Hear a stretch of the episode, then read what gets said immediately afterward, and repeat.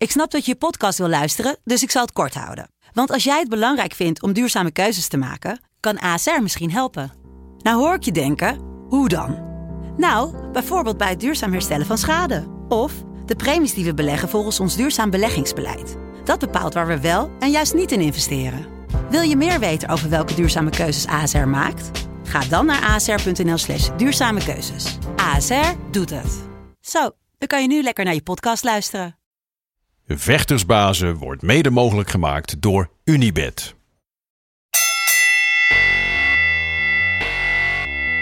It's time for Vectorsbazen!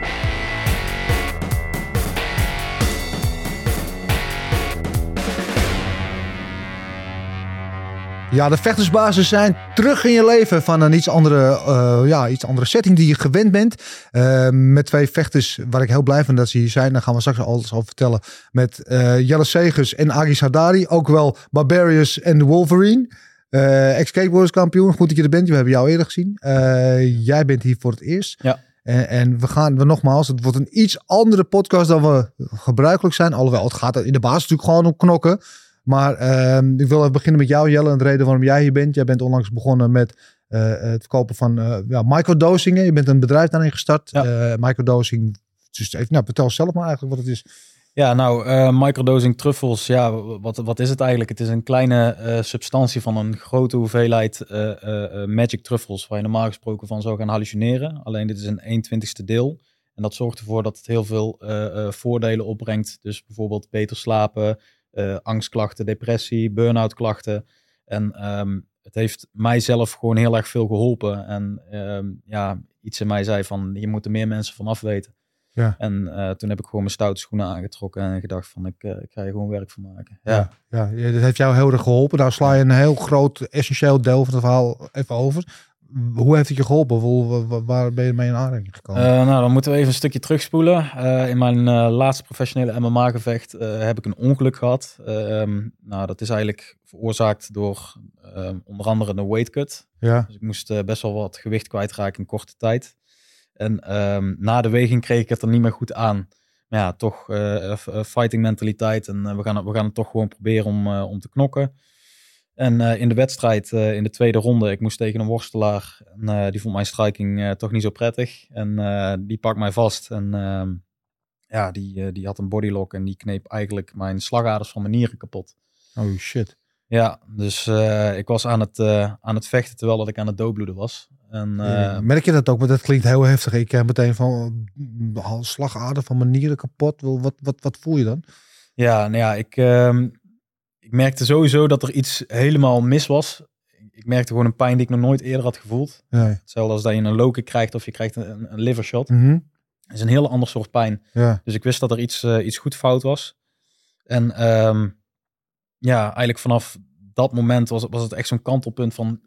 Ja, ga ik nou stoppen of ga ik door? Ja. Alleen ik heb van mezelf best wel een groot uh, agressielevel. En dan merk ik gewoon, ja, hij heeft mij pijn gedaan. Dus ik moet jou daar iets voor teruggeven. Ik krijg het terug. Oh, dus uh, ik dacht, uh, we staan op en we gaan, we gaan het gewoon weer doen. Alleen ik merkte gewoon um, dat al het bloed ja, naar je vitale organen gaat om ja. dat te beschermen. Ja.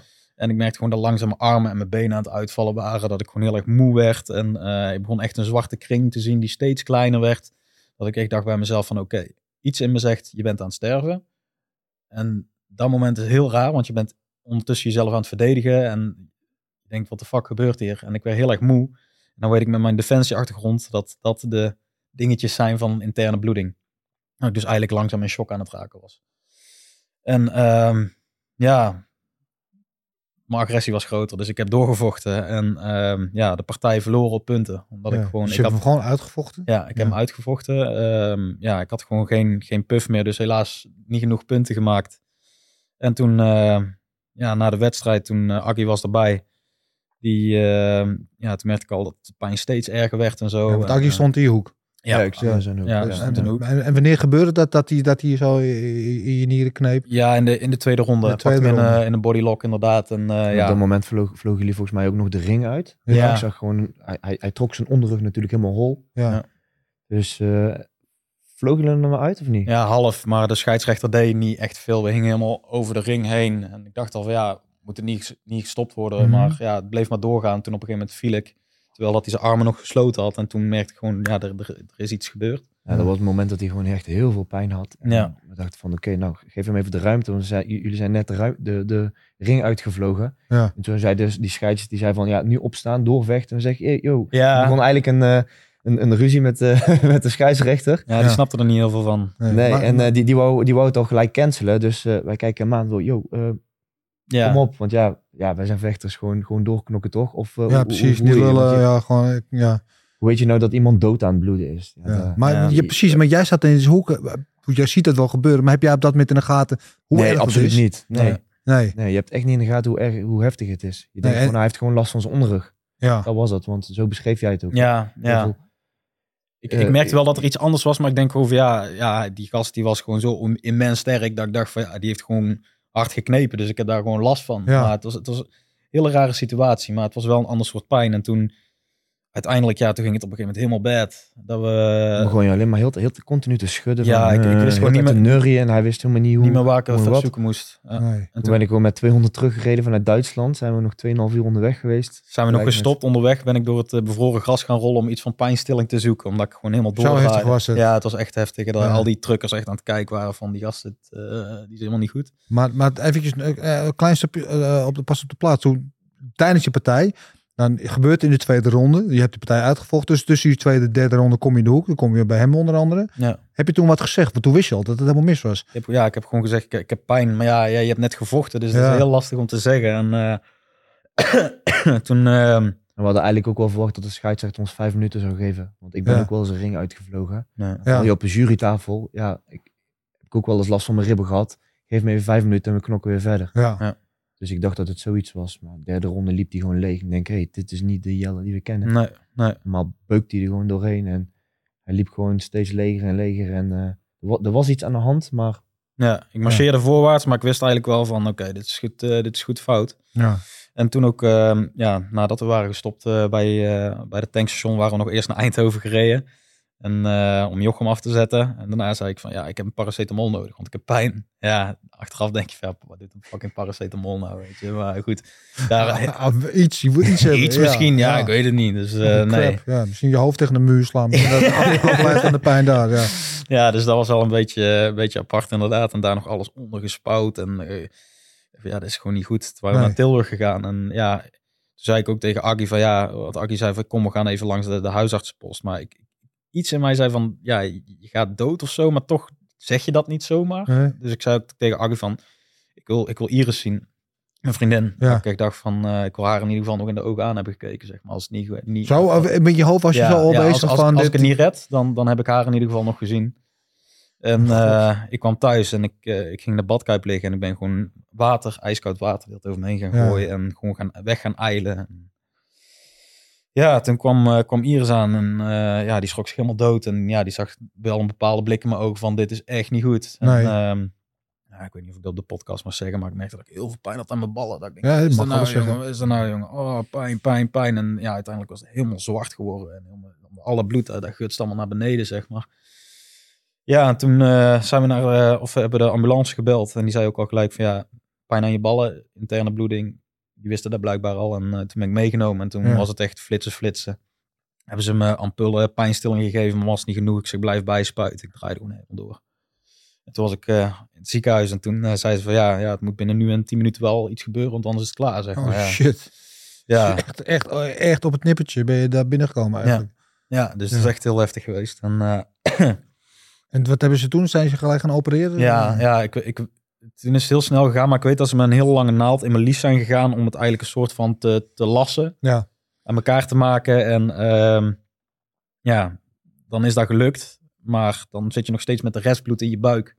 En de dokter heeft ook gezegd, ja, omdat je zo getraind bent en Ja. ja, je hebt gewoon een goede buikspier ontwikkeld, die heeft eigenlijk bloeding zoveel mogelijk gesteld. Ja. Dikker was geweest, het afgelopen. Nog geluk bij een ongeluk. Ja, Ja. eigenlijk wel. Dus eh, daar ben ik mijn trainers heel erg dankbaar voor natuurlijk. Ja. Maar ehm, Zie je, vechtsport redt levens, mensen. ja, zeker, zeker, zeker. En ehm, ja, daarna heb ik gewoon een maand in het ziekenhuis gelegen. Ik ben ook eerder ontslagen geweest, omdat ze zeiden, we hebben, we hebben ruimte nodig voor COVID-patiënten. Nou, ik zei, ik ben nog niet hersteld. Nou, toen zei ze, ja, toch, eh, toch moet je weg.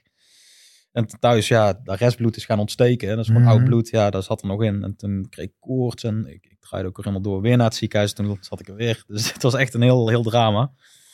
Ja, en eh, gelukkig met kerstmis eh, toch naar huis. En dan, eh, dan ben je alleen maar aan het janken. Gewoon als een klein kind. Ja, natuurlijk. dan ben je zo blij met die kleine dingen. Ja. Dan weet je gewoon wat er, wat er belangrijk is in het leven. En dan boeit de rest je niet zoveel. Nee. Maar na die tijd ben ik dus... ehm, ja, ik heb best wel een trauma opgelopen... waar ik ook gewoon echt eh, nachtmerries en angstklachten van heb gehad. Elke keer als ik ook maar iets met, met vechtsport zag of zo... dan kreeg ik gelijk helemaal... Een stressreactie, Eh, ja, ja. ja. Gewoon trauma eigenlijk.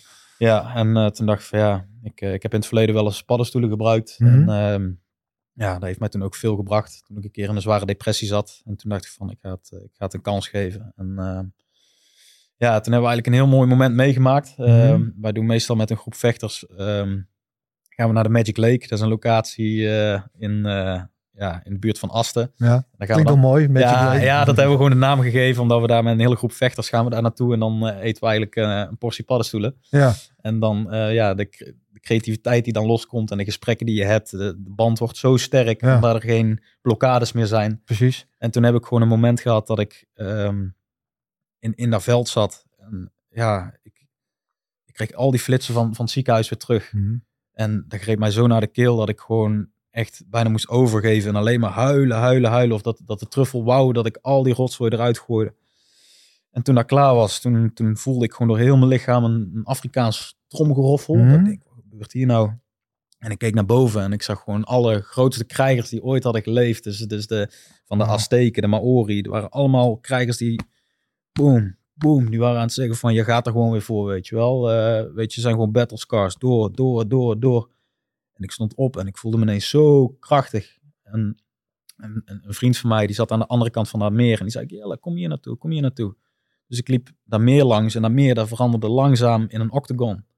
Met aan de overkant mijn nieuwe tegenstander. En, Je liep er wel omheen, gelukkig. ja, ja, nee, ja. broer, doorheen. nee, maar ik liep eromheen en ik dacht zo van, fuck it, we gaan er weer voor. Want toen kreeg ik weer die, let's go. Ja. Ja. En acht maanden na het ongeluk heb ik eh, een mijn eerste bokswedstrijd gevochten. Om te kijken hoe mijn lichaam voelde. En dat was dan de Zuid-Nederlandse kampioenschappen. En ik moest gelijk tegen een B-klasse. En eh, ja, die heb ik eigenlijk helemaal de tering ingeslagen. dus eh, ja, dat... Hoe, hoe was dat gevoel? Want ik op dit hele verhaal hè, vind het wonder dat je hier naast me zit. Überhaupt laat Ja. staan dat je überhaupt nog kan denken aan iets als vechtsport. Maar Ja. als je zo'n reis hebt meegemaakt hè, en dat je letterlijk op het randje van, van de dood balanceert. En dan toch weer die handschoenen aan te kunnen trekken en dat te doen. Dat moet een gevoel zijn van je leeft. Dat moet iets ongelooflijks zijn. Kan je Ja. dat proberen in woorden te brengen? ja, ik, ik zeg altijd gewoon... Klinkt misschien cliché, maar born for the shit. Ja. Ik heb een bepaald vuur in me. En ik denk als, als, als vechtsport wegvalt. Ik, ik kan me niks bedenken waar ik het in kan uiten. Bijvoorbeeld, ik heb wel eens gedacht van ik ga muziek schrijven. Want ik, ik ben gewoon een muziekliefhebber. Maar dan denk ik van ja, is leuk. Dan heb je een tekst op papier, maar het is er niet echt Mhm. uit. Ja, ik zie het gewoon altijd als therapie om iemand gewoon voor zijn kanus te slaan. Ja. Ja. En dat, als ik dat niet heb, dan ja. Ik weet niet hoe ik daarmee zou, zou dealen. En ik Ja. denk van ja, dan ga je naar de opties kijken wat wel mogelijk is. Ja. Dus. Nou ja, ehm, hoe je dat net vertelt, dat je in het begin dat je dat, dat alles wat met vechtsport te maken heeft, dat het juist stress, dat dus wat trauma teweeg brengt bij je. Weet je. En dan de stap naar het weer actief, niet eens het kunnen zien, maar naar het weer actief beoefenen.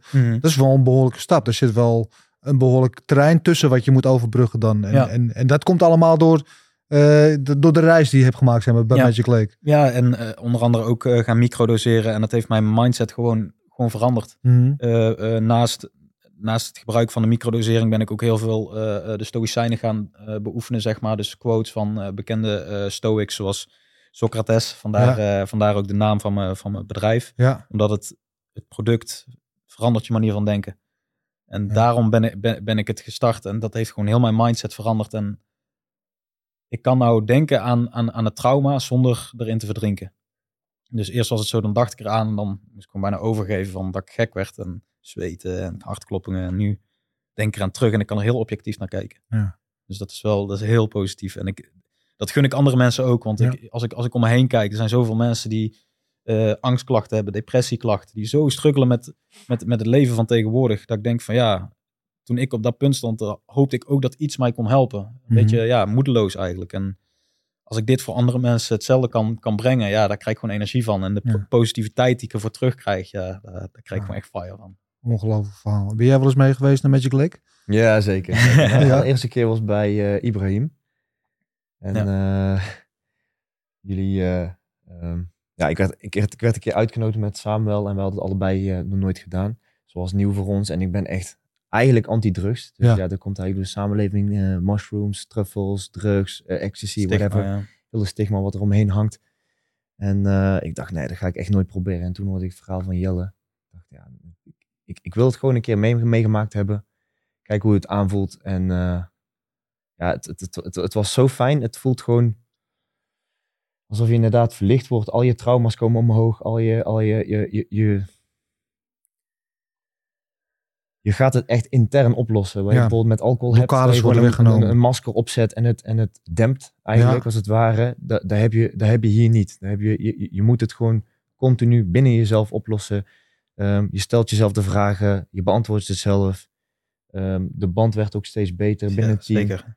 Ja, Ehm, Waar heeft het jou mee geholpen? Is er iets specifieks? eh, Nee, niks, niks specifieks. Ik, ik had natuurlijk ook die knieblessure. Ehm, een soort gelijke situatie. Maar ik, ik had bij de vorige podcast natuurlijk ook al aangegeven dat ik heel veel mediteer. En tijdens mijn meditaties heeft het gewoon heel veel geholpen om Ja. ehm, bepaalde dingen te, te accepteren hoe ze zijn. Ehm, oude trauma's, jeugdtrauma's. Ja, ik noem ze geen trauma's, maar misschien verkeerde herinneringen. Ja. Of eh, iets wat een lading heeft in je, in je hersenen, Mhm. om dat toch nog los te kunnen laten. vervelende herinneringen. Ja. Vervelende herinneringen, inderdaad. Ja. En toen ben ik me gaan, er, erin gaan verdiepen. En eh, toen heb ik er eh, Jordan Peterson over eh, horen spreken, Joe Rogan, eh, Andrew Huberman, neuroscientist. En toen dacht ik, ja, als, als dit, dit soort jongens, als dit soort mannen zulke dingen roepen, dan, dan, dan moet ik het gewoon toch maar een keer gaan proberen. En Nou, heb ik een keer meegedaan. En ja, en ik, we zijn het blijven doen. Ja, zeker, zeker. En iedere keer merk je ook dat je. ehm, so- soms ga je er gewoon heel ehm, open in. Ehm, zonder dat je bepaalde trauma's hoeft op te lossen. Maar dan kom je toch nog iets tegen van misschien tien jaar geleden. Zie je flashes. Zie je bepaalde eh, gevoelens die je hebt onderdrukt. En die Ja. los je dan toch weer op. En na iedere sessie heb je dan toch weer van. Hé, hey, eh, ik voel me een stuk lichter. Ik vind het grappig, jij noemt inderdaad stigma, want het, het is dus heerst best wel een stigma omtrent van inderdaad het gebruik van geestverruimende middelen, zoals, zoals paddo's of truffels of wat dan ook. En terwijl als je, ik heb laatst wel documentaire over gezien, hè, want net, net als jij heb op een gegeven moment ook geïnteresseerd geraakt door ook mensen zoals Joe Rogan die daarover over praten en meerdere vechters die daar goede ervaring mee hadden met, eh, en niet alleen met microdosing, maar ook met gewoon ja, het maken van, van een reis, hè, hoe ze dat zo mooi Ja. noemen. En, en als je dan nog gaat onderzoeken, dat ze eigenlijk in de jaren 30 en 40 van de vorige eeuw al onderzoek naar deden. Eh, Ja, Heel verder, weet je, aan, aan gerenommeerde universiteiten zoals Harvard, et cetera. Hoe eh, eh, het gebruik van LSD of paddenstoelen, maar ook MDMA kon helpen bij traumaverwerking. Zoals, Ja. nou ja, bijvoorbeeld van misbruik of verslaving of oorlog, wat dan ook. En dat het eigenlijk door de Summer of Love, hè, toen in de jaren 60 de, de, de, de psychedelica heel erg in trek raakte. dat een, op een gegeven moment op de verboden lijst kwam in Amerika. En al die onderzoeken eigenlijk in de la werden gestopt. En dat allemaal werd weggegooid. Terwijl decennia lang al heel ver eh, goede resultaten mee geboekt waren. En eh, dan ben ik heel blij dat je merkt dat de laatste jaren dat dat stigma langzaam een beetje eraf gestoft wordt. Ja. Weet je wel? En dat die onderzoeken weer uit de la komen en dat ze daar weer mee verder gaan. En wat ze, wat ze ja, wat voor goede dingen er allemaal mee kan doen. Weet je, inderdaad, op het gebied van, van traumaverwerking. Hè. Het is natuurlijk heel bekend dat ze dat, dat ze in therapieën met ex-militairen die in oorlogsgebieden Ja. geweest zijn, bij verwerking van PTSD. Of mensen die van rook af willen komen, weet je, of Ja, van, ja, van drugsverslaving af willen komen. Of mensen die andere soorten trauma's of stress hebben. En, eh, eh, maar ook dus inderdaad met, eh, met vechters of met topatleten die daar in hun training mee experimenteren en dan goede resultaten mee, mee boeken. Ja. Ja, ja. Want het is ook bij, ehm, wat ik had begrepen, dat eh, de UFC ook onderzoek naar aan het doen is. Volgens mij was UFC. Voor medicinale paddenstoelen. Dat Ja, dat, met eh, Lions Mane en dat soort dingen. Ja, dat het weer eh, linkjes kan leggen en eh, brain damage eh, ja, zou kunnen verhelpen. Of dat Ja. het in ieder geval eh, eh, iets kunnen, kunnen verbeteren, zeg maar. Ik denk, ja, als zulke grote jongens daar al onderzoek naar aan het doen is, weet je wel, dit, dit moet gewoon booming worden. En dat, dat gevoel, dat had ik. En ook in de, in de trip zag ik mijn logo, kwam ik tegen. En ja, je krijgt er ook gewoon een gevoel bij van, je moet hier iets mee doen. Je moet dit verspreiden op een of andere manier. En ik denk van, ja, het kan twee kanten op gaan. Of heel je reputatie als topsporter gaat naar de kloten ja. of het gaat booming worden. Ja. En dat is dan toch best wel een lastige keuze van ja, weet je, eh, je gaat toch iets jezelf toe-eigenen of eh, een sticker op je, op je naam plakken van oké, dit doe ik ook. ja. Hoe gaan mensen daarop reageren? Hoe gaan ze daarmee om? En eh, ik dacht van ja, wat dit voor mij heeft gedaan, die liefde en kracht is, is, is zo groot. Fuck it. Ja. Ik ga het gewoon doen. Ja, is het ook ik moeilijk? Want het, het rare is, hè, want het, het, als je het van microdosing hebt, hè, wat jij dan eh, verkoopt, zeg maar, zijn de truffels hè, van microdosing. Ja. Want het gekke verhaal van de mensen die nog niet zo in de materie zitten, ehm microdosing van paddenstoelen mm, kan feitelijk niet, omdat Nee. paddo's staan, stonden al, waren gewoon, kon je in elke smartshop in Amsterdam kon je er gewoon kopen. En op een gegeven moment is er ergens een toerist uit een raam gevallen. Ja, Die er waarschijnlijk ook heel veel andere dingen bij uitgenomen. Maar toen is het op de voorlijst gekomen. Dus paddo's kun je niet meer verkopen. maar Truffels wel. En, en dat is altijd iets wat ik probeer te begrijpen, maar niet kan begrijpen. Nou, eentje is onder de grond, een andere Ja, dus, dus de dat, grond. Dus, ja. dus, ja. En dezelfde werking, hetzelfde idee, precies hetzelfde gebeuren. Alleen de een mag wel en de ander mag niet. Eén is Ja. gedroogd en de ander niet. Ja. ja, dus om er even duidelijk over te zijn voor de mensen die nog steeds denken van, hé, wat, wat, wat is hier nou aan de hand? Eh, de, de, of de paddenstoel die boven de grond groeit, die is dus illegaal. Die mag je, die mag je niet eh, nuttigen of bezitten of growen. Tenminste, growen volgens mij wel. Ja, je mag, ze- je mag zelf. Je, Je- kan ja, je- kan je gewoon online ja, bestellen. Ja, Dus dat, dat mag dan wel. Alleen eh, onder de paddenstoel heb je dus het mycelium. Dus dat Ja. is eigenlijk gewoon een netwerk. eh, draadjes die, er, die eronder groeien. Eh, daar groeien vruchtlichaampjes uit. En dat zijn dus de truffels. Ja. Die bevatten dezelfde stof als in de illegale paddenstoel. ja. Maar wel in mindere mate. En dat mag dus wel. En daardoor is die verwarring heel erg groot. Dat mensen denken van, oh, je bent illegaal bezig. En daar, daar vind ik, soms frustreer ik mij daaraan. Omdat ik dan denk van, ja, je probeert iemand uit te leggen. Maar mensen Hmm. denken al bij het woordje illegaal van, nee, eh say no Ja. more. Terwijl dat, wat ik heel apart vind, is als ik nou een bierbrouwer zou zijn. En ik zou bier, go- goed bier eh, creëren. En iemand zegt, oh, ik kom bier bij jou inkopen, want ik heb een feestje of ik heb een barbecue. Het is allemaal gedoogd, het is allemaal zo Hmm. normaal, weet je. En als ik dan over paddenstoelen heb, dan is het ho. Ja. Even rustig, man. Eh, ik wil niet gek worden of weet ik wat. Terwijl het al zo oud als de weg naar een, als de mensheid is eigenlijk. Hè? Want het Gelijk. is al van, van sinds het begin. Even de, de Stoned Ape Theory Ja, ken je onder, ondertussen ook wel. Hè? Dat is natuurlijk de, de, de, de, de gedachte eh, van uh, Terence McKenna is dat volgens mij die, die bedacht heeft dat we hebben de missing link hè, van, eh, van in onze evolutie. Ja. Hoe we uiteindelijk naar de Homo erectus zijn gegaan.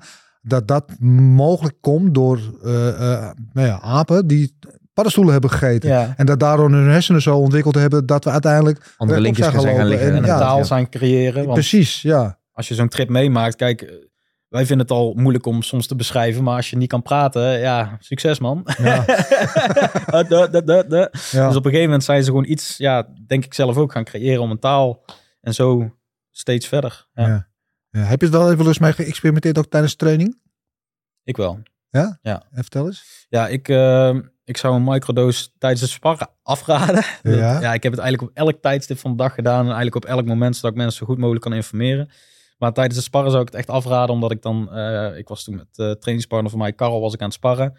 En die gaf me toch een echt een stoot op mijn neus. En het enige wat ik kon doen was lachen. ja, en hij snapte er niks van. Ik zei, Jelle, you, are, you okay? Je zo'n zo'n zo'n strakke Poolse gast.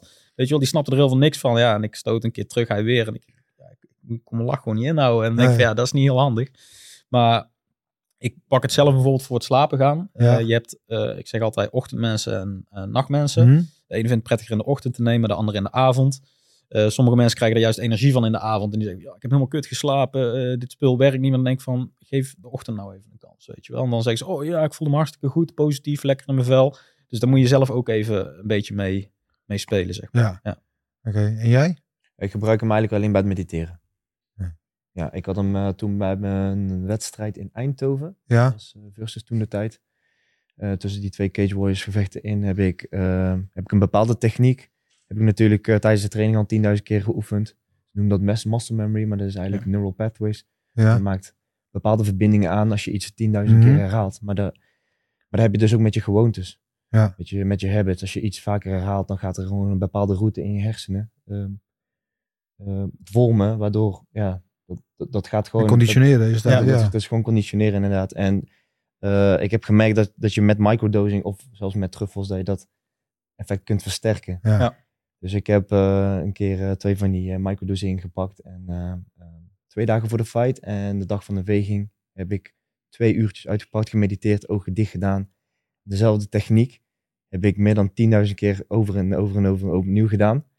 Toen stond ik in een wedstrijd en toen was het moment daar. Ik had een overhoekje, ik stap uit en ik til alleen mijn knie op en ik besefte ineens, oh, hij ligt daar al. Ja, hoe dan? En zo'n gevoel had ik nog nooit gehad. En normaal is het conditioneren alleen in drillen, drillen, drillen. En nu, nu leek het alsof het gewoon... eh, het was zo natuurlijk. Ja. Het was gewoon Ja. zo... eh, Het zit erin gegraveerd. Ja. Ja, maar dat Dus is ik denk dat je dan gewoon nieuwe, nieuwe pathways maakt. Of nieuwe... Ja, ik heb het wel eens laten uitleggen eh, eh, ehm, door experts die er verstand van hebben. Kijk, met, met, met geestverruimende drugs of met paddenstoelen, je gaat dingen zien. Het is geestverruimend. Je ziet niet per se dingen die er eerst niet waren, alleen die je eerst niet zag. Dat is het. Ik heb als voorbeeld, ja, het klinkt een beetje zweverig, maar eh, als voorbeeld, ik speel wel eens, wel een stom voorbeeld, ik speel wel eens FIFA op de Playstation. Ja. Speel je online, speel je altijd voor die gastjes die de hele dag op de zolderkamer niks anders doen. Dus winnen Die nooit. kinderen, dat is eh, best wel frustrerend. Ik speel af en toe, weet je wel, casual eens een potje. Had ik hier een doos paddo's genomen, of truffels dan. En toen ging ik online FIFA spelen. Nou, ik maakte iedereen in. Want ik, maar het klinkt heel raar. Je ziet al, ik zag alles veel helderder en veel duidelijker. Alles wat maakt, weet je wel, net of je in een matrix bent. En ik moest er daar al denken aan. Joe Rogan had dus inderdaad een verhaal over een kickboxer. Die, eh, die hij kende, die is voor zijn wedstrijden. Daarom vroeg ik het ook aan jullie. Die voor zijn wedstrijden dus eh paddo's nam. En die zei van Hmm. dat hielp hem met vechten. Omdat hij alles aan zag komen. Ja. Omdat hij veel meer in het moment was. En En je dingen wordt veel ook duidelijker zag. van. Ja, andere, je andere er ook invalshoeken inderdaad. Ja, ja, ja. Maar eventjes voor de, voor de duidelijkheid. Dus dat, dat heb je het over een, een, een reis maken. Als je Mhm. paddo's neemt, dan krijg je het hallucinerende werking en alles wat daarbij komt kijken. Als je microdosing Nee, dat- doet, dan heb, krijg je, ga je dus niet hallucineren. Nee, je gaat niet van hallucineren. Dat moet ik eh, zeker wel even, even duidelijk zeggen. Want heel veel mensen zijn daar dus bang voor dat ze niet meer kunnen functioneren, niet meer Ja. kunnen autorijden. Eh wel moet ik erbij zeggen, er zit, eh, bij elk product zit gewoon een gebruiksaanwijzing bij hoe je het moet gebruiken. Bijt ze alsjeblieft niet door, want dan wordt het effect heftiger. Ja. Kijk, als je nou gewoon inderdaad met vrienden bent en in een veilige omgeving, ja, dat is helemaal aan jou. Maar eh, voor de microdosing moet je gewoon met water innemen en het Ja. maagzuur die bouwt het langzaam af. Zeg. Je moet ze niet kapot bijten. Dat doe ik wel altijd. Ja, dat snap ik. Ja, ja, dan ja voor de ene eh vindt dat Ja. prettiger. Alleen, ja, eh, zeker als je het overdag gebruikt en je gaat autorijden, ik, ik raad het ten strengste Ja. af. Nee, maar dat is het. Dat veel mensen eh, dat onderscheid niet kunnen maken. Je kan er gewoon mee functioneren. Ik doe het ook 's morgens voor ik naar mijn werk ga. Ik kan, weet je, je merkt er niks van. het werk functioneert. Ja. Alleen Ja, ik merk dat wel dat ik wat, wat scherper ben. Eh, Inderdaad, creativiteit. Mijn bui is vaak wat beter. Is mijn vrouw vooral blij op. Mhm. Ja, Ik ja, wat ja, Je kan het ook gewoon als koffie gebruiken. Ja. Ja. Om Ja, dan in dat- die concentratiemodus te zitten. Ja, ja, je hebt ook paddenstoelen van eh, koffie, toch? Je hebt ook koffie, wat ook Oh, dat koffie wist ik van. niet. Ja, ja zeker. Zeker. Van, eh, van Lions Mane. eh, wordt Oh ja, ook- Lions mee natuurlijk. Ja, ja dat, is, eh, dat is inderdaad een Je paddenstoel eh, voor je ja. concentratie en memory eh, toch wel positieve effect heeft laten zien. Ja. ja. Ja. En, en, maar waarom zou een vechter dit moeten gebruiken? Of een topsport algemeen? Hoe kan Ehm, het hem verder helpen? Nou, omdat ik ehm, zelf heel veel vechters en atleten heb gesproken die eh, fysiek er echt uitzien als een tank. En Ja. dan ben je in gesprek met ze en dan denk je van zo, dat, valt, ja, dan, ja, ik zeg dat gewoon mentaal misschien meer, meer te halen, zeg maar. Ja. Of dat, ze- dat ze toch eh, een bepaalde instelling hebben dat ik denk, ja, ik denk dat dit wel je manier van denken zou kunnen veranderen. En ehm, ja, met, de- met de reacties die ik tot nu toe heb gehad, is, is dat zo? En ja, daar, vind, daar krijg ik gewoon energie van. Ja. Dus dat is wel, eh, ja, ik, ik, ik zou het ook voor beter slapen. Als je beter slaapt, eh, herstel je beter. eh, zit je beter in je vel. En dan gaat eigenlijk alles goed. Ik wil niet zeggen dat het product is van al je sportprestaties worden beter. Al je problemen zijn ineens weg. Want dat is natuurlijk de grootste onzin. Alleen dit kan wel, wel bijdragen. Je moet eh, de microdosing zien als een klein hulpsteuntje, zeg maar, om je te helpen. Ja. Maar ja, ja dat is eigenlijk. Ja, Je ja. moet gewoon als supplement gebruiken inderdaad. Ja, als supplement. ja, dus als de, beide dingen. En, en met- name als je, meditatie is natuurlijk al ook een soort van probeer je geest te verruimen. En daar kan het net het extra setje geven. zeg Net wat extra inderdaad. Ja, Ja. ja. En net Ja. als het voorbeeld waar jij, wa- wat jij net al had genoemd, eh, dat je inderdaad scherper ziet. En eh, vroeger werden paddenstoelen ook gebruikt voor de jacht. Mhm. Ook, eh, werd ook aan honden gegeven, zodat Mhm. ze beter konden ruiken, beter eh, eh, konden jagen. Eh, ik heb dus ook in de Magic Lake wel eens gehad dat ik gewoon door het bos liep en dat ik elk blaadje hoorde vallen. Dat ik dacht van, holy shit jongen, dit is Al wel je echt, zintuigen zijn gewoon, ja, inderdaad. heel Ja, ziek. klopt, ja. ja. Daar waren de Vikings ook al mee bezig. Ja. Ja. Maar die pakte dan de, de. Amanita muscaria, dus eigenlijk de, de vliegenzwam, de rood Mhm. met witte stippen. Ja. Eh, alleen ja, daar kun je ook weer heel veel nadelige effecten van krijgen. Eh, ja, die dat zou ik dus zelf niet doen, want ehm, ja, de berserker, ik weet niet of je er ooit van hebt gehoord, is eigenlijk de krijgers die, eh, die vochten als beesten. Ja. En dat kwam omdat ze die, die muscaria dus namen Maar dan vielen ze niet alleen de, de tegenstander aan, maar ook hun eigen vrienden. Die, die draaiden gewoon helemaal door. En dan denk ik van ja, dat, moet niet, dat is niet heel handig, dit, zeg ja, maar. dit een klein beetje te. Ja, ja. Dus eh, dat is iets, iets, te, iets te veel. Je ziet ook wel eens filmpjes op YouTube daar, daar vechters ruzie krijgen met een trainer en dan een trainer ineens beginnen uit te halen. Ja, dat, dat moet je natuurlijk niet hebben. Dus eh, ik zou het lekker hierbij laten. Ja, eh, en, en dit is, dus, dat gaat, zijn eh, truffels, dat zijn gedroogde truffels dan. Ja. Hè? En, en eh, waar haal je vandaan? Heb je zelf op zolder, heb je een hele berg? eh, Eh, nee, nee, ik eh, koop ze in bij, eh, bij een groothandelaar. En Ja. ja, ja die, die, die levert aan, aan grotere leveranciers. Alleen ja, ik, heb zo, ik heb hem gewoon een mailtje gestuurd met dit is mijn verhaal. Ja. En eh, toen heeft hij mij een keer uitgenodigd. En eh, eigenlijk hetzelfde verhaal wat ik jou heb, heb verteld, dat, dat vertelde ik hem. En hij was gewoon helemaal ontroerd. Zo van, wauw, ja, ja, en dit, dit kan wel eens wat gaan worden. En jij kan mensen bereiken die ik niet kan bereiken, zoals de sportwereld. Ik, ik ken geen atleten, zegt hij. Dus toen zijn we eigenlijk een samenwerking gestart. En eh, ja, ik ga eigenlijk onder zijn naam van Fresh Mushrooms ga ik eh, Socrates inleiden. En eh, zodoende zijn we bezig. Maar het is zo apart, want die man, eh, eh, Hans Grotewal, geniale vent. Ehm, een man op leeftijd, maar wel de mindset van, van een 25-jarige. En ja, die heeft dat heel zijn leven al gebruikt. En je ziet gewoon de manier waarop hij denkt. En ja, ik, ik vind het geniaal. Ook dat hij bijvoorbeeld microdosing, eh, eh, eh, dat- je microdosing kan pakken om muziek niet alleen te horen, maar te voelen. Ja, ik vind dat soort dingen vind ik gewoon prachtig. Gewoon Ja. ideeën uitwisselen. Ja. En, ja. Dus die man die heeft mij heel veel geholpen. En ja, hopelijk blijft de samenwerking ja, Ja. Zo, zo goed gaan. Ja. schitterend. Socrates heet dat, heet jouw bedrijf, online te vinden. Ehm, en mensen die iets meer van willen weten, je hebt geen zin om hele epistels te lezen. Op Netflix staan er een aantal echt hele goede documentaires over, waarin het allemaal prima mooi wordt uitgelegd. En eh, heel leerzaam vond ik ook, maar ook wel amusant. Dus eh, check dat eh, vooral uit. En, en nu zit je dus hier weer en nu heb je het weer gewoon over het gewone leven. Ben je weer helemaal boven Jan. Sorry, jij bent ook weer over vechten. Eh, jij natuurlijk ook. Ehm, jou voor het laatst gezien afgelopen juli was het volgens mij in Londen. Ja, in Londen inderdaad. Toch ja. tegen, tegen Figlak. Ehm, toen had je wat op een gegeven moment over enge dingen gesproken. Dat je je zicht even kwijt was. Hè? Ja, Ja, na de eerste ronde. inderdaad, ja, ja, Wat, Ja. Wat, wat kun je nog even kort vertellen wat het was? Eh, nou, aan het einde van de eerste ronde heb ik volgens mij een tik gekregen. Was, was ge- absoluut geen eye-poke. Maar ik heb een eh, klein tikje gekregen waarbij ik eh, vlekken zag. En in de, tussen ronde 1 en 2 heb ik mezelf afgevraagd van... Hey, moet, ik, moet ik nu wel verder? Want ik, ik zie eigenlijk niks. En het werd steeds smaller en smaller. En op een gegeven moment was mijn zicht voor 30 seconden lang weg. En eh, Dat lijkt toen was ik twijfelen van, oké, moet ik dit tegen de scheidsrechter zeggen? Moet ik dit tegen mijn hoek zeggen? Maar, maar, dan, ja, hebben de grote kans dat zij dan eh, heel de wedstrijd afblazen. Dus ja, dan, dan ga je door met zoveel vragen. En eh, Ja, ja, en dan weet ik, het liep ook al niet al te lekker. Het, het, het was gewoon een grote mes. Ja. Dus ik heb die wedstrijd eigenlijk gewoon verpest. Die jongens uiteindelijk naar de UFC gegaan. ja in Parijs Dat- je maakte die zijn debuut volgens mij. Ja. Parijs, Ja. Mike Tyson, debuut. Ja, ik heb daar echt heel veel, heel veel last van gehad. Heel veel om, eh, eh, heel emotioneel om geweest. Omdat dat eigenlijk gewoon mijn plek was, vond ik. Ja, Met, met, met, an- met andere woorden, als jij van hem had gewonnen, had jij Zat daar ik in de. UFC. Ja. Ja, ja, Ja, ja dat, dat maakt het zo pijnlijk, hè, dat je er toch zo dichtbij bent en, en het is net niet gebeurd omdat, omdat ja, door omstandigheden. En eh, al, die, al die dingen die zijn wij nu aan gaan pakken. En, Ja. alleen nu krijg ik geen gevecht, hè, zoals ik net al had Ja. benoemd. Dat zit al moment- negen maanden in wedstrijdvoorbereiding zonder dat iemand tegen me wil vechten eigenlijk vanuit Cage Warriors. Ja. Dus, eh, Want de vorige keer dat je bij ons op de bank zat, dat is twee jaar geleden ongeveer, pak een beet, noem maar even zo ongeveer. ja, ja, ja. Ik weet niet precies de datum. Ehm, toen hadden we het er al over dat je voor je gevoel zo dichtbij was. Dat je misschien nog één, max of twee wedstrijden daar vandaan was. ja. Eh, wat is er gebeurd dat we nu twee jaar verder zijn dat die feitelijk nog steeds op datzelfde punt zit? Ehm, ik heb de title fight verloren. En eh, ja, die jongen was gewoon te goed op dat moment. Mhm. Eh, ik heb aan heel veel, ik heb fysiek en mentaal ehm, heel veel dingen aangepakt.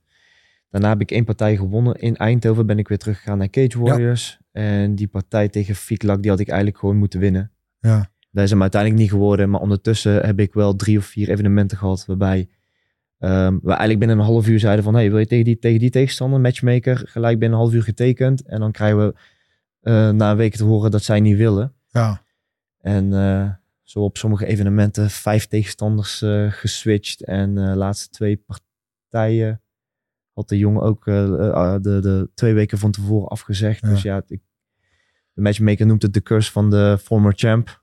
ja het lijkt me Dus ja, zo, zo, negen maanden in voorbereiding zonder, Ja, dat lijkt me ongelooflijk frustrerend helemaal als je vertelt dat verhaal van die wedstrijd en het verhaal dat hij dan naar de UFC gaat en jij niet, dat je daar emotioneel, dat je daar best wel even mee te worstelen hebt, dan wil je dat liefst zo snel mogelijk natuurlijk recht zitten. Ja, dan ja, wil je dat zo snel mogelijk ja. van je afvechten. En Je hebt er dat gewoon dan twaalf jaar lang voor gevochten. Ja, En je bent, je bent er bijna. Je bent bijna bij Valhalla. Daar waar je hoort te zijn eigenlijk. Ja. Hè? Net voor die poort, net zoals bij Net voor de eh, poort. Ragnar, dat hij dan dicht gaat inderdaad. Fuck ouwe, ja. Ja, shit. Ja, en dan... eh, ja, natuurlijk haal je daar altijd wijze lessen uit. Hè. Je past wat dingetjes aan. Back to the drawing board noemen ze dat. Wat dingen aangepast. Alleen Ja. ja, nu, moet ik, nu moet ik me ook nog kunnen meten. Ja. Dus die nieuwe dingen, die nieuwe skills, eh, alle vooruitgangen, die, die, die wil ik nu testen. ja, ja, dus negen maanden geen partij. Omdat Cage Warriors is een Engelse organisatie. Al een Engelse jongens. ja, Probeer ze een klein beetje te beschermen. En die, die, die willen ze natuurlijk rustig aan, eh, opbouwen naar de UFC toe. En eh, de rest van Europa, de top 5, die ontwijkt me eigenlijk een beetje. Of ja, Ja. ik denk niet dat de vechters mij ontwijken, maar hun management. ja, ja, ja, je bent het groot risico wat dat betreft voor hun, eh, op hun Op Pad een naar- pad naar de UFC toe Ja. eigenlijk. Want iedereen zit er zo dicht tegenaan. En, en mochten ze verliezen, dan kost het weer twee of drie fights. En dan ben je weer een jaar verder. Ja. Dus, dus, Dus wat het is één doen? grote... Ehm, Kijk even naar de camera, roep even iemand op. ja, als iemand Pak je moment, pak je. Uh, Let's go. Nee, we proberen nu nog één partij te vechten voor Cage Warriors. En dan eh, eh, op zich ben ik best wel goed met de organisatie. Dus ik hoop dat zij het gunnen dat, ik, dat we het contract gewoon verscheuren en Ja. naar een andere organisatie gaan. En dat Ja. ik de komende drie maanden misschien één of twee partijen kan knokken en dan Mhm. alsnog door kan gaan. Ja. Want zo Ach. sta ik al te lang stil en het, het voelt gewoon niet goed. Ik Nee, moet ook door met mijn leven. 17 maart staan ze weer in, eh, in de Indigo, hè, de dag voor UFC. Ja. Speelt er überhaupt iets? Heb je... Nou, ik, ik, ik, ik had me eigenlijk opgegeven voor, eh, voor Cage Warriors, maar ze hadden geen tegenstander voor mij. Dus Nee. ja, je kunt pas in april vechten. Ja. Oké. En dan heb je dus eigenlijk nog steeds geen garantie, want afgelopen oktober had ik getekend. Ja. 31 december, oudjaarsavond, zou Ja. ik vechten. Hebben ze ook gecanceld. In maart zou ik vechten, gecanceld. Ja, wat geeft mij de zekerheid dat, ik, dat, dat die van april wel doorgaat? Ja, zo- zometeen bereid ik me weer twaalf weken voor. Hè, diëten, minder werken. En je, je, past gewoon heel je leven daarop aan. En dan Ja, gaat het weer niet door. En dan Ja. denk je weer, ja.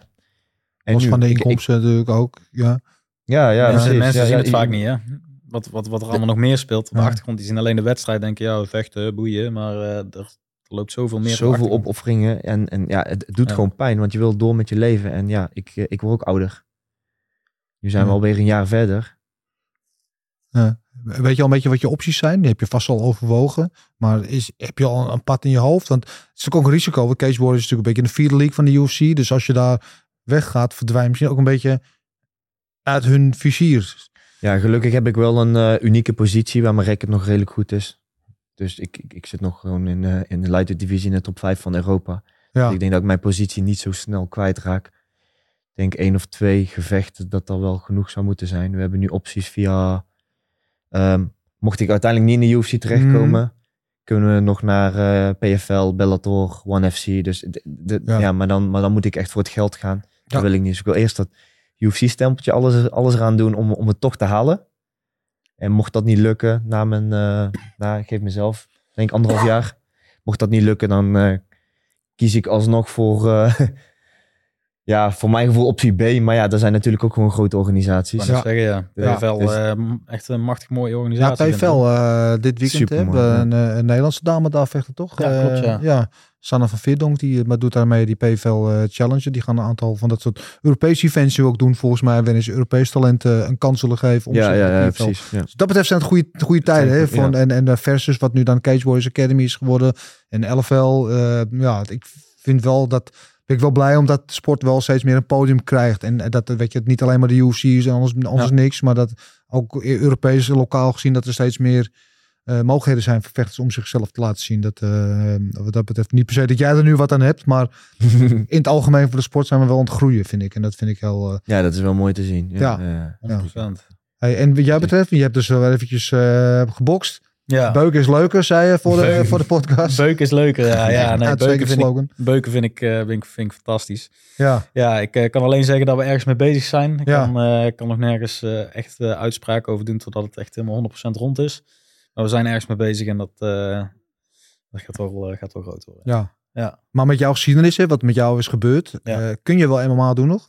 Ja, ik zeg nooit nooit. Ehm, dus wellicht dat ik in de toekomst nog wel eens een keer MMA zou vechten. Maar ehm, ja, het is, het, het, is lastig. Het is veel, groot, veel te groot risico. Ehm, ja, op, op de positie waar ik nou sta, hoef ik het voor het geld niet te doen. Ja. Dus ehm, ik, la, ik laat die optie nog even open. Ik, ik denk dat dat verstandig is. Dus ik zeg eh, niet dat ik het nooit meer zou doen. Nee. Want iemand zijn hoofd eraf knieën, dat is ook fantastisch. Dus ja, wellicht in de toekomst. Maar eh, ja, ja, Het fantastisch. is wel lekker hoe dat klinkt. Ja, mooi hè? Heerlijk. Hoppa. Dus eh, ja, hou het zeker in de gaten. En eh, Ja. Maar ja, dus MMA is eventjes in de koelkast nu, hè? dat Ja. mag ik wel zo zeggen dan. En dan gaat je voorkeur uit naar iets ja, staan, staander. iets staand. Ja, Ja. Ja, dan heb je gebokst, maar boksen weet iedereen, daar is geen droog brood mee te verdienen. Dus dat is eigenlijk geen optie. Zeker in Nederland niet, inderdaad. Eh, Nee. ja, dat merkte ik al wel met, eh, met de Nederlandse boksbond. Daar, daar, daar we elkaar niet echt eh, goed lagen, zeg maar. dus eh, Baard afscheren en dat soort baard afscheren, want eh, ja, Ja, anders dan, eh, dan snij je iemand open met je baard. Ja, dat, eh, dat is een beetje treurig. Maar hier is meteen hè, het probleem. Ik, ik hou echt van boksen, hè. de sweet science. Ja, de, ja. de, de bakermat hè, van, van, van alles waar we voor de rest naar kijken. En ik kijk nog steeds graag naar boksen. Alleen het is zo jammer dat boksen in Nederland al jarenlang zo'n zieltogend bestaan laat. Terwijl we hebben echt, talent hebben we echt wel. Zeker. ben ik van overtuigd. Ben, maar het komt gewoon niet aan bod. En dat heeft denk ik veel te maken met gewoon hoe de, de, de sport vanuit de boksbond bestuurd wordt. Hoe het Mhm. gereguleerd wordt. Hoe, de- weet je, hoe mensen eigenlijk gewoon best nog steeds... eh, Nee, wat jij zegt, je moet je baard afscheren. Wie de fuck, weet je. Als je met het MMA 2 op elkaar op de grond ligt, een baard mag hebben. Hoe Met zou ik en alles, boksen ja. dan niet? Ja. Weet je, wat is, het- wat is de gedachte? Ik kan- probeer het mij uit te leggen. Dat Ja. vroegen wij laatst ook aan de dokter. ja precies. Weet, weet, je, weet je zelf waarom dat, dat eh, deze regel er is? Ja, als er een zandkorrel op de grond ligt. Hè. Je komt in je baard, dan snij je hem helemaal open en zo. Terwijl dat volgens mij er nou ook een nieuwe theorie is dat als je een baard laat staan, dat je juist meer klappen kan absorben, zeg maar. Ik weet niet of, of het 100% waar is, maar ja. ik Ja, maar laat diezelfde ja, bondsarts naar Tyson Fury gaan. Dat we tegen hem zeggen dat hij zijn baard moet afscheren. Profboksen mag je gewoon je baard laten. Ja, maar prof wel. bedoel- Maar, maar, Ja, maar Ja, dat is voor, ook, eh, voor ons ook een eh, grote, voor mij in ieder geval en heel veel andere MMA-vechters, om, om niet aan eh bokswedstrijden mee te doen. Want ik zou heel graag willen tussen de wedstrijden, ik af en toe een bokspartijtje pak, Ja. om in mijn ritme te blijven, aan mijn voetenwerk te, te werken, ja. combinaties te gooien, wat dingen uit te proberen. Ja. Alleen ja, Jouw baard Ik- moet blijven. ja, ik heb mijn baard echt niet afscheren. Ja. Sorry. Het is echt zonde wat dat betreft. Die kruidt als een kikker. ja, precies. Dat, dat, dat moeten we niet hebben, Ja, inderdaad. en dezelfde mensen die in 1950 in die boksbond zitten, die zitten nu nog. Ja, precies. Weet je, en het, het gaat gewoon niet, eh, de vooruitgang, komt gewoon niet de vooruitgang toch goed. Ik was volgens mij anderhalf jaar geleden zo was ik hier, met, of nee, dat is langer geleden, meer, met, eh met Gradus Krause, de zoon Oh ja, van, eh, ja, van ja. Albert, die deed toen mee aan de, het Olympische kwalificatietoernooi. Ja. Ja, ook een talent hoor, ja. ontzettend talent, ontzettend goede natuurlijk. Maar ja, de, hoe dat vanuit de boksbond jarenlang is gegaan, werd neergekeken op het kickboksen. Want dat Ja. waren natuurlijk zelfs straatschoffies, dat was hij een hele chique, chique, nou ja, Ja, het valt ja. ook nergens op, maar zo werd er altijd een beetje tegen aangekeken. Dus als het kickboksen kwam, dan stond je al met 1-0 achter. En Ja. hij kwam vanuit het kickboksen, terwijl hij al jarenlang gewoon boksen is eigenlijk. Dus dat stempel van kickboksen heeft hij al lang van zich afgeworpen. Ja. En die moest dan in het kwalificatie nooit tegen een jongen. Ik ben even zijn naam vergeten. Max was er voor, dan weet ik nog wel nog. Eh, en, maar dat was een beetje het troetelkindje van de boksbond. Die zat al jaren trainen in Papendal. Die werd al jaren klaargestoomd op het Olympische traject om naar het Olympische Spelen te gaan. Die komt tegen Gradus Kruis. En die sla- slaat hem gewoon neer in de eerste ronde. Ja. Die geeft hem acht tellen. En vervolgens wint die gozer wint gewoon de wedstrijd. Terwijl die, de derde ronde deed hij het niet goed, eh Gradus. Maar de eerste twee ronde sloeg hem gewoon in elkaar. Ja. Hoe kan je nou die wedstrijd verliezen? Dan krijg je ja, met amatuurboksen is acht tellen is geen, eh, is geen punt aftrek. Dat is herstel. Ik, zeg, wat? Ja, daardoor Ja, heb ik ook mijn partij verloren. Want eh, ja, ik, ik stond tegen een B-klasse die daar gewoon ja, zoveel wedstrijden heeft gedaan. Dus ja, die is bekend. Die kwam ook binnen en die, die groette de scheidsrechter. En dat was allemaal, allemaal ja, gewoon happy de peppy. Ja, en ik ben gewoon van beuken, niet allemaal tikkie-takkie. Ja, ik bedoel, je komt om te vechten, Ja. toch? Niet om, niet, niet om een tikkertje te spelen. verliezen altijd op punten. Ja. Ja, ja die MMA-vechter. Ja, die MMA-vechter. Ja. Ja, het was mijn eerste bokspartij, dus zei van ja, ja, ja, ja, ja. Ik kom van het MMA, eerste, eerste ja, nou, ik Ja. heb gewoon verloren, helaas. Terwijl dat de beelden anders spelen. Ja, toch op, wat lul je nou? Het is, het is geen punt aftrek. Waar heb je het over? Wat doe je, dan- wat doe je dan? Wat doe je dan? Ben je dat doen aan dit ding? Ik snap Ja. het echt niet. Ja, treurig. En ja, nog, nog iets wat ik wel kwijt, kwijt wil, is dat ik ook gewoon zie in, in de Nederlandse vechtsport. Er zijn zoveel grote kickboxers ook geweest. En nog steeds. En ehm, dat ze niet de aandacht verdienen die ze horen te krijgen. Ik bedoel, als je Francis Ngannou ziet toen hij, toen hij champion was, dat hij door, door de straten En, en, en eh, Charles Oliveira, dat die, dat, er wordt gewoon bijna een nationale feestdag van Mm. gemaakt. En hier in Nederland is het een schouderklopje van de burgemeester. Ja, Ja, ik kan me als je zelf- mazzel hebt. Als je, als je ja. mazzel hebt, ja, ja. Nog net geen handdruk, gewoon even een klopje. En eh, dan denk ik van ja, dat, ik weet niet of we er iets aan kunnen doen, maar ja, dat, dat zou ik wel echt heel gaaf vinden dat mensen die aandacht krijgen, zeg maar. En het hoeft echt geen- niet met te veel toeters en bellen, maar in ieder geval wat meer als, als, als zoiets. Ja. We hebben zoveel talent en ja, het Ja. wordt gewoon niet gezien. Ja, ik ben ik helemaal met je maar dat is ook al jaren een frustratie. Hè? Dat was vroeger van, van uh, NS Hoos en Peter Aas ook al Ja. natuurlijk de frustratie Die in ja. Japan voor volle stadions vochten. eh voor 80.000 mensen konden daar niet op straat zonder bodyguards, omdat ze een soort filmsterren waren. En dan kwamen ze na zo'n K1-titel kwamen ze op Schiphol. En er stond er misschien iemand van het, eh, van het lokale suffertje. En, en een verloren buur, buurmeisje met een ballon. En dat was het dan, weet je wel. Voor de rest werden ze niet herkend. Goed Ja, gedaan, topper. Ja, Ja, stickertje. maar- ja, maar hoe, hoe, hoe, hoe kan het dan? Dat je, waarom is dat eigenlijk dat we in Nederland... En dat is de laatste jaren natuurlijk wel wat beter geworden. Hè? Laten we heel eerlijk zijn. Rico Verhoeven is natuurlijk ook gewoon een, een, een bona fide Zeker. A-plus ster hè, in Nederland. Maar eh, dat we daar zo lang zo, zo ja, eigenlijk zo slecht waarderen. Ik denk omdat het is, veel is gelinkt aan, aan criminaliteit, de vechtsport. Dat dat altijd zo is geweest. Maar ja, ik, ik, ik hoop ook dat dat stigma er onderhand wel langzaam Ja. af is, zeg maar. We zijn atleten en eh, niks meer, niks minder. Ja, wat dat betreft was eh, een, een verhaal van een mede-Brabander eh, van jullie... deze week in de Telegraaf was wat dat betreft niet echt goed nieuws natuurlijk voor de vechtsport. Precies. Maar goed, ja, ik, ik hoop dat ook dat dat maar langzaam een beetje, dat is ook zo denk ik, dat het langzaam een beetje verdwijnt. Maar je merkt wel altijd, weet je, zoals vorig jaar bij Glory toen die rellen in, eh, in, eh, in België waren, dat het gelijk je weer tien, tien jaar terugwerpt. Dat iedereen meteen weer zegt, zie je wel, terwijl dat gewoon voetbalhooligans waren. Dat Ja, het je gelijk precies. weer eh, tien jaar terug in de tijd werpt. Maar ehm, oké, je gaat dus niet boksen. Nee. Ehm, dan blijft er eigenlijk niet zoveel opties meer over hè, wat je gaat doen. Nee, dat klopt. Ja, Ja. ik laat de mensen thuis vooral blijven raden. Ja. Ja. ja, als het echt helemaal door is, dan, dan zal ik het op Instagram posten. En dan, Slap Ja. Jitsu. ja, ja, slap contest. ik denk dat dat niet heel handig is voor mijn, voor mijn hersenpan. eh, ja. Maar Nee, in ieder geval dat... eh, geen klap op je nieren in ieder geval. Nee, nee, nee, nee. Dus eh, het is in ieder geval gezonder waar ik uh, waarvoor ik kies. Voor mij in ieder geval. Ja. Dus uh, ik, uh, ik, laat het, uh, ik laat het over aan de tijd. En uh, als het straks online Ja. komt dan... Ben je een beetje oké met kickboksen? Ja, ook wel ja. Ja, ja dus ik, la ik laat de mensen vooral thuis raden. En dan uh, gaat het goed komen. oké. Oké, nou, eh, laat ik het ook in het midden. Helemaal goed, Ehm, helemaal goed. Jongens, ik wil jullie bedanken voor jullie komst. Ehm, ongelooflijk verhaal van jou. Het is echt niet normaal. Eh, ik ben blij dat je hier überhaupt nog zit. Ja, En eh, met het mooie verhaal ook van jullie allebei. Nogmaals, waar ben jij te vinden, Socrates? Socrates, ik, op nu, nu ben ik te vinden op social media, op Instagram. Maar eh, ja, we zijn bezig met de website. En als, die zal binnen de kortste keren online komen. En dan kunnen mensen gewoon online bestellen. Er wel bij zeggen dat er niet naar het buitenland eh, eh, wordt verstuurd. Eh, dit omdat het niet in alle eh, landen of, legaal is. Het is in Nederland legaal, in Brazilië, Bahama's. Dus Jamaica sinds kort. En in de US zijn er een aantal staten die, die het voor medicinale dingen mogen Ja. gebruiken. Dus ehm, ja, vragen, vragen mag altijd. Dus dan kan ik het prima uitleggen. En dan ja, in Nederland sowieso. Dus eh, als je een keer wat wil bestellen, dan eh, sta je vrij om contact op te nemen. Hartstikke mooi. Eh, ga je volgen? Ik ben benieuwd eh, wanneer de mededeling komt. Wat je nou wel gaat doen. We houden eens op de hoogte, zou ik zeggen. Agi, al succes. Ik hoop dat eh, de UFC alsnog snel komt. En anders dat, eh, dat je wat anders mooi vindt. In ieder geval. Ja, dankjewel. ja, we gaan het ook volgen. Yes. Super. Dankjewel. Jullie allemaal weer bedankt voor het kijken of het luisteren. Je weet dat we zijn op alle platformen te vinden. En eh, vergeet niet vooral te liken, te delen en te abonneren. En dan heb ik nog één ding te zeggen. En dat is... Oes! Oes!